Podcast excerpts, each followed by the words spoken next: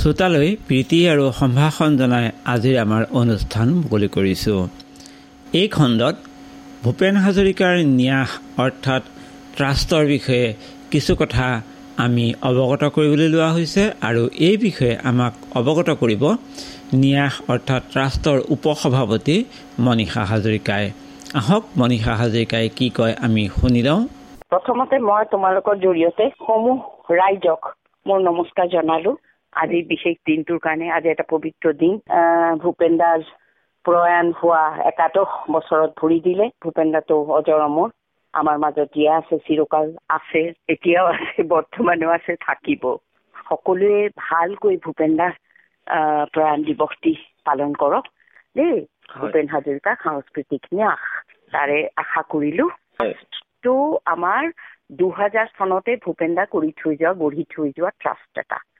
আচ্ছা আমি কিন্তু কেইজনমান ব্যক্তি ভূপেন্দাৰ হেৰি ক্ৰমে ইচ্ছা অনুসৰি সাত চনত সোমাইছিলো দুহাজাৰ সাত চনত সোমাইছিলো। তাৰে মাজতে বহুত কেইগৰাকী আছে মই আৰু মোৰ পুত্ৰ ময়ূখ। তেতিয়া সোমাইছিলো। ট্ৰাষ্টৰ আমি যুটীয়া প্ৰথমতে মই যুটীয়া সম্পাদক আছিলো কাৰণ ভূপেন দা আছিল প্ৰেচিডেণ্ট কল্পনা আছিলে ভাইচ প্ৰেচিডেণ্ট।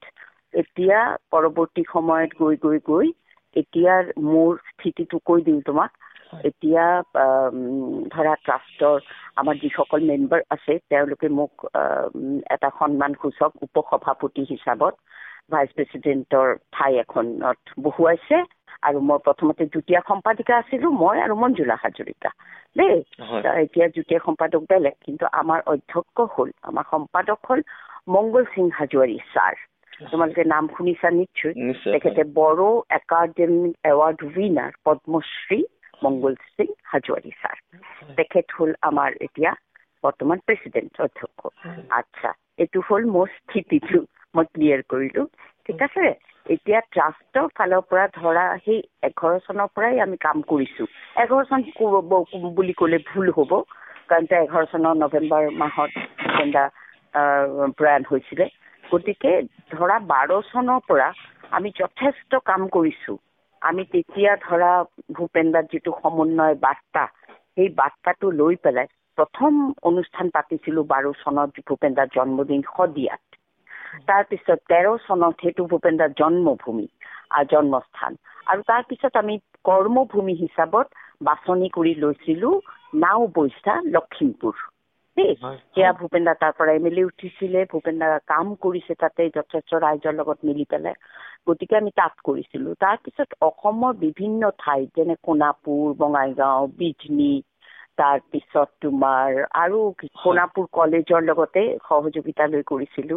তেনেকে তোমাৰ লখিমপুৰত পাতিছিলো বুলি ক'লোৱে। তেনেকে তোমাৰ বিজনীত পাতিলো বঙাইগাঁৱত পাতিলো এনেকে এনেকে। কলেজবিলাক বা ইউনিভাৰ্চিটিবিলাকৰ সহযোগিতা লৈ আমি ট্ৰাষ্টে ভূপেন্দাৰ জন্মদিনটো পাতিছিলো এইবাবে যে জন্মদিনটোৰ প্ৰচাৰ প্ৰসাৰ সমন্বয় দিৱস হিচাপত। আমাৰ ট্ৰাষ্টৰ ফালৰ পৰা এইটোক আমি সমন্বয় দিৱস হিচাপতে মানে হেৰি কৰিছো স্থায়িত্ব দিছো। তাৰপিছত আমি ভাবিলো যে ভূপেন্দাৰ যিহেতু পশ্চিম বাংলাত বহু বছৰ আছিলে ভূপেন্দা সদায় কয় যে মাতৃভূমি মোৰ অসম হলেও পিতৃভূমি মোৰ কলকাতা। ত' আমি কলকাতাত কৰিছিলো। তাৰপিছতে আমি মুম্বাইতো কৰিছো। তাৰ মাজতে ষোল্ল চনত কিন্তু আমি গৈছিলো বাংলাদেশ। দেই আমাৰ ন্যাসক মাতিছিলে তাৰে তোমাৰ চৰকাৰীভাৱে মতা হৈছিলে। তাৰে শিল্পকলা একাডেমী। তেওঁলোকৰ লিয়াকত আলি লাখি বুলি পেলাই তেখেতসকলৰ অধ্যক্ষ। তেখেতে আমাক নিমন্ত্ৰণ জনাইছিলে আমাক সহযোগিতা কৰিছিলে অসমৰ এটা বিশিষ্ট তোমাৰ সংগঠনে ব্যতিক্ৰম আষ্ট বুলি পেলাই ছ'চিঅ' কালচাৰেল এক্টিভিটি কৰে তেওঁলোকে। তেওঁলোকে সহযোগিতা কৰিছিলে আমাক যোগাযোগ চব কৰি দিছিলে। কিন্তু আমি তাৰে ফ্ৰেণ্ডছ অফ বাংলাদেশ আৰু হেৰিৰ লগতে মিলি পেলাই শিল্পকলা একাডেমীৰ লগত মিলি আমাৰ ন্যাসে আমি অনুষ্ঠানটো আয়োজন কৰিছিলো। তাতে আমি প্ৰতি বছৰ এই সমন্বয় বঁটা দিয়া হয় আমাৰ দেই। সমন্বয় বঁটা দিয়া হয় হিতৈষী বঁটা দিয়া হয়। হিতৈষী বঁটাটো হ'ল ভূপেন্দাৰ লগত ঘনিষ্ঠতা থকা। আৰু ভূপেন্দাৰ ধৰা খুব অসুস্থ অৱস্থাতো যিখিনিয়ে ভূপেন্দাক বহুত সহায় কৰিছিলে ভূপেন্দাক খবৰ লৈছিলে তেনেকুৱা ব্যক্তিসকলক আমি হিতৈষী বঁটা দিছো। তাৰে মাজত তোমাক ক'ব পাৰো অৰুণ দাৰ কথা অৰুণ শৰ্মা দেৱ বিশিষ্ট নাট্যকাৰ। কল্পনা লাজমীৰ মাকৰ কথা লালিতা লাজমী। তেখেতকো দিছিলো। কিন্তু আৰু সমন্বয় বঁটাটো আমি প্ৰত্যেকটো ঠাইত ভূপেন্দাৰ পৰা জানিছিলো যে ক'ৰবাত আছে তোমাৰ ইয়াৰেতো দিছোৱে আমি যোৱা বছৰ দিছিলো যতীন গোস্বামী নিত্যাচাৰ্য যতীন গোস্বামী দেৱক। দেই তাৰপিছত ৰং বং তেৰং দেৱক দিয়া হৈছে। তাৰপিছতে দিয়া হৈছে তোমাৰ হেৰি ইয়াছে দৰ্জে থংচি। দেই তেখেত হ'ল তোমাৰ অৰুণাচলৰ।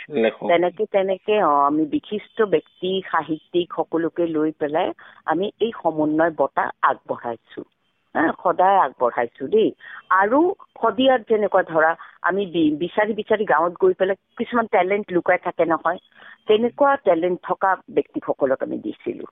গতিকে সেইটো তেনেকে আহি আহি আহি এই বছৰো আমাৰ সাংস্কৃতিক ন্যাসৰ ফালৰ পৰা দিয়া হ'ল সমন্বয় এটা মৰণোত্তৰ অ মৰণোত্তৰভাৱে কলকাতাত দিছিলো হেমাংগ বিশ্বাসক মৰণোত্তৰভাৱে মুম্বাইত দিছিলো আৰু তোমাৰ অনিল মোগলে তেওঁ ভূপেন্দাৰ মানে তোমাৰ বাদ্যযন্ত্ৰৰ ব্যৱস্থাপক আছিলে এৰেঞ্জাৰ বুলি আমি যাক কওঁ। ঠিক আছে? যিমান দিন বম্বেত কাম কৰিছে ভূপেন দা তেখেত আছিলে আচ্ছা যি নহওক সেনেকে আমি বাচি বাচি উলিয়াইছো বাংলাদেশত আছফ খান ভূপেন্দাৰ অতি প্ৰিয় ঘনিষ্ঠ বন্ধু বুলি নকওঁ কনিষ্ঠ আছিলে ভূপেন দাতকে কিন্তু শিল্পী এগৰাকী।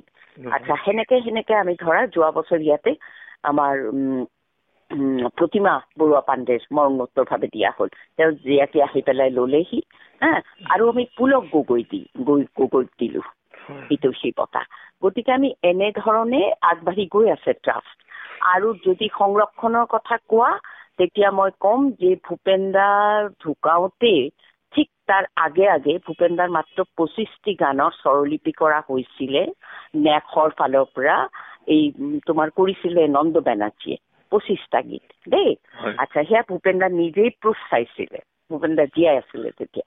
আচ্ছা যি নহওক সেইটো পিছত পৰৱৰ্তী সময়ত আমি এশটা গীতৰ ট্ৰাষ্টে তোমাৰ সেয়া কৰিছে। স্বৰলিপি উলিয়াইছে। ঠিক আছে? ৰাষ্ট্ৰীয় স্বৰলিপি উলিয়াই পেলাই আমি প্ৰচাৰো কৰিছো প্ৰসাৰো কৰিছো। আমি প্ৰত্যেকটো মানে য'তেই আমি জন্মদিন পাতো তাত আমি সেই কিতাপসমূহ যাতে প্ৰচাৰ কৰিব পাৰো তাৰ ব্যৱস্থা কৰিছো। তাৰ বাহিৰে তোমাৰ আমাৰ প্ৰতি বছৰ ন্যাসৰ ফালৰ পৰা ভূপেন্দ্ৰ জ্যোতি বুলি পেলাই এটা সংকলন এটা মেগাজিন মেগাজিন ঠিক কৰি নহ'ব মানে কিতাপ আকাৰতেই ওলায়।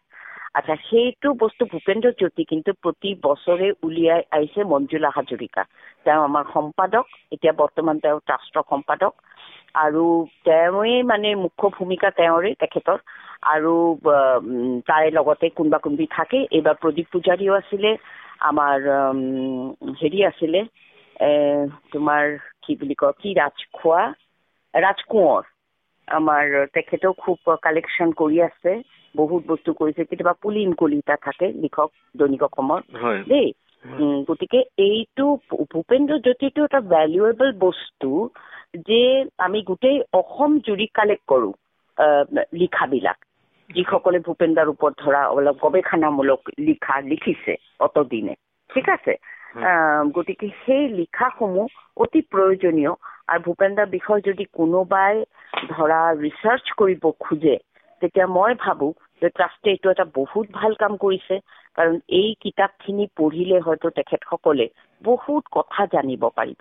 তাতে গীতৰ বিশ্লেষণো আছে প্ৰশাসনৰ ফালৰ পৰা হিমাংশু দাসৰ লিখা পাব আপোনালোকে। আৰু বহুতো বিখ্যাত মানুহৰ লিখা মুঠতে আছে তাত। সংযোজিত হয় প্ৰতি বছৰ দেই। গতিকে মই ভাবো এইটো এটা সাংঘাতিক ভাল কাম হৈছে বুলি পেলাই। কাৰণ ট্ৰাষ্টৰ সেইটোৱে উদ্দেশ্য যে নৱ প্ৰজন্মই যাতে ভূপেন্দাৰ কথাখিনি খুব ভালকৈ উপলব্ধি কৰিব পাৰে। সেইটো হৈছে মেইন কথা। আৰু ভূপেন্দাৰ গীতসমূহ আমি স্বৰলিপি কৰাৰ উদ্দেশ্য হ'ল যে যাতে সুৰবিলাক বিকৃত নহয়। আৰু ভূপেন্দা হয় হয়। আৰু ভূপেন্দাৰ গীতসমূহতো অসমৰ ইতিহাস আছে। মই ভাবো অসমৰ ইতিহাসখন তেওঁ গীতি সাহিত্যত উল্লেখ কৰি থৈ গৈছে। যিকোনো পৰিৱেশত যিকোনো সময়ত যিকোনো অনুষ্ঠানত যিকোনো তোমাৰ কি বুলি ক'ম বিপদত হয়নে নহয়? হয়, আমি। ভূপেন দাৰ গান ব্যৱহাৰ কৰিব পাৰো। নহয়? কাৰণ গীত বিলাকৰ এনেকুৱা অৰ্থপূৰ্ণ গীত আৰু এনেকুৱা তাৰ হেৰি মানে কি বুলি ক'ম তাৰ এপিলটো যিটো। এপিল বুলি কয় আৰু যিটো সেইটো সেইটো তুলনা নাই দেই জাতিটোৰ সংকটৰ। মুহূৰ্তত তেওঁ সকলো জাতিটো সংকটৰ মুহূৰ্তত তোমাৰ কোনোবা সীমান্তত যেতিয়া গণ্ডগোল হয়। আৰু অসমৰ যেতিয়া তোমাৰ যিকোনো ধৰণৰ ধৰা আমাৰ এই যে সাত ভনীৰ যেতিয়া আমাৰ ছেভেন ষ্টেট ভাগ হৈছিলে। তাৰ ওপৰত ভূপেনদাৰ মনৰ ভাৱ ভূপেনদাৰ দুখ এইবোৰ ভূপেনদা ইমান সুন্দৰ কৰি পেলাই প্ৰকাশ কৰি থৈ গৈছে যে তাৰ কোনো তুলনাই নহয় হয়। এয়াই মই ক'ব পাৰো আৰু আজিৰ দিনটোত। হয় হয়। আৰু তেখেতৰ লগত আপোনাৰতো অভিভাৱক সুলভ এটা অভিভাৱক আপুনি বহুত সৰুৰ পৰা পাইছে। আপোনাৰ কলিকতাৰ যিখন ঘৰ। তেখেত ঘৰখনৰ লগতো জড়িত আছিল। পিতৃতুল্য ব্যক্তি আছিলে ভূপেনদাক হেৰুৱাই পেলাই মই সঁচাই কৈছো যে এটা বটবৃক্ষত ধৰে আছিলে মোৰ জীৱনত। মোৰ এটা একদম য়াং এজত যেতিয়া মই জয়ন্ত হাজৰিকাক হেৰুৱাইছিলো তেতিয়া ভূপেনদাই মোক যিমান চাপৰ্ট দিছে সেইটো মই কেতিয়াও নাপাহৰো। মোৰ কাৰণে গানো লিখি দিছিলে ৰিণিকি ৰিণিকি শুনিছো দূৰণিত বুলি। এয়া গান অকল গান নহয় আৰু লিখি থৈ গৈছিলে জয়ন্ত তোৰ জয়ৰ অন্ত নাই তোৰ শৈশৱ তোৰ কৈশৱ কৈশোৰ মিঠা মাদকতা ভৰা তোৰ কণ্ঠ সজীৱ। খুব সুন্দৰকে ভূপেনদা লিখি থৈ গৈছে এইবোৰ কথা। গতিকে মই কি বুলি কোনো কম আজিৰ দিনটোত মই সদায় মিছ কৰো সদায় মিছ কৰো দেই। এইটো কিন্তু আজি বুলি নহয়। মই। প্ৰতিটো মুহূৰ্তত ভূপেনদাক মিছ কৰো। কাৰণ মোৰ যিকোনো কাম মই যেতিয়া এটা ভাল কামো কৰো তেতিয়াও মোৰ ক'বলৈ মন যায় মোক জনাবলৈ মন যায় যে ভূপেনদা মই এইটো কৰিলো। এইবাৰ মই মংগলদৈত জয়ন্ত হাজৰিকাৰ অনুষ্ঠান পাতিছো দীপিলাত অলপতে জয়ন্ত হাজৰিকা প্ৰয়াণ দিৱস গৈছে পোন্ধৰ অক্টোবৰ। সেইটোৰ লগত হেৰি ৰাখি পেলাই মই ত্ৰিশ অক্টোবৰ তাৰিখে দীপিলাত পাতিছো। সেইদিনাখনো মই খুব অনুভৱ কৰিছো। কাৰণ এওঁৰ বন্ধু আছিলে হেমন্ত দত্ত তেখেতে এই চাকি জ্বলাইছে। আৰু আমাৰ বিধায়ক পৰমানন্দ মজুমদাৰে কোৱা বা এম পি দিলীপ শইকীয়া সকলোৱে ইমান সুন্দৰ চাপৰ্ট দিছে। সেই দিনবিলাকত মই মিছ কৰো এইকাৰণে ভূপেন দাক। যে ভূপেন দা থাকিলে হয়তো খুব ভাল পালেহেঁতেন সুখী হ'লহেঁতেন। তো সেনেকুৱা কথা। মানে গুচি যোৱাটোতো মানুহ যাবই লাগিব এদিন এইটো ঠিক কথা। কিন্তু ভূপেন যোৱাটো অসমৰ বাবেতো অপূৰণীয় এটা ক্ষতি। ভাবা নাই এই যে স্পৰ্টছৰ অত নাম কৰিছে তেতিয়াই মই ভাবো এটা সাংঘাতিক চৰকাৰী হেৰি স্পৰ্টছ ডে পাতিছিলে যে অসমত মোৰ ল'ৰা ময়ূখ হাজৰিকাক সেই দায়িত্বটো দিয়া হৈছিলে দেই স্পৰ্টছ ডে। তাতো ভূপেনদা লিখি গৈছে না। এই। পৃথিৱী এক ক্ৰীড়াংগন ক্ৰীড়া হলো শান্তিৰ প্ৰাংগণ তুমি ভাবা কি সুন্দৰ শব্দ কি সুন্দৰ কথা। সাতটা ভাষা ট্ৰান্সলেশ্যন হয়। আহ, সেইটো এটা ডাঙৰ ইভেন্ট হৈছিলে আমাৰ চৰকাৰৰ ফালৰ পৰা। সেইটোৱে কথা আৰু। এনেকে দিন বাগৰি গৈছে দিয়া। যিমান পাৰিছো যিমান দিন। আমাৰতো বয়স হৈ আহিছে। যিমান দিন পাৰিম ভূপেনদাৰ গান জয়ন্ত হাজৰিকাদেৱৰ গান মইতো ৱৰ্কশ্বপ কৰো ৱৰ্কশ্বপ। কৰি পেলাই মই যিমানটো পাৰো মই বিলাই যাম আৰু শুদ্ধ কৰি পেলাই। আজিৰ খণ্ডত ডক্টৰ ভূপেন হাজৰিকাদেৱৰ ন্যাস অৰ্থাৎ ট্ৰাষ্টৰ বিষয়ে আমাক অৱগত কৰিলে ন্যাস অৰ্থাৎ ট্ৰাষ্টৰ উপসভাপতি মনীষা হাজৰিকাই। আজিৰ খণ্ডৰ পৰা বিদায় লৈছোঁ নমস্কাৰ।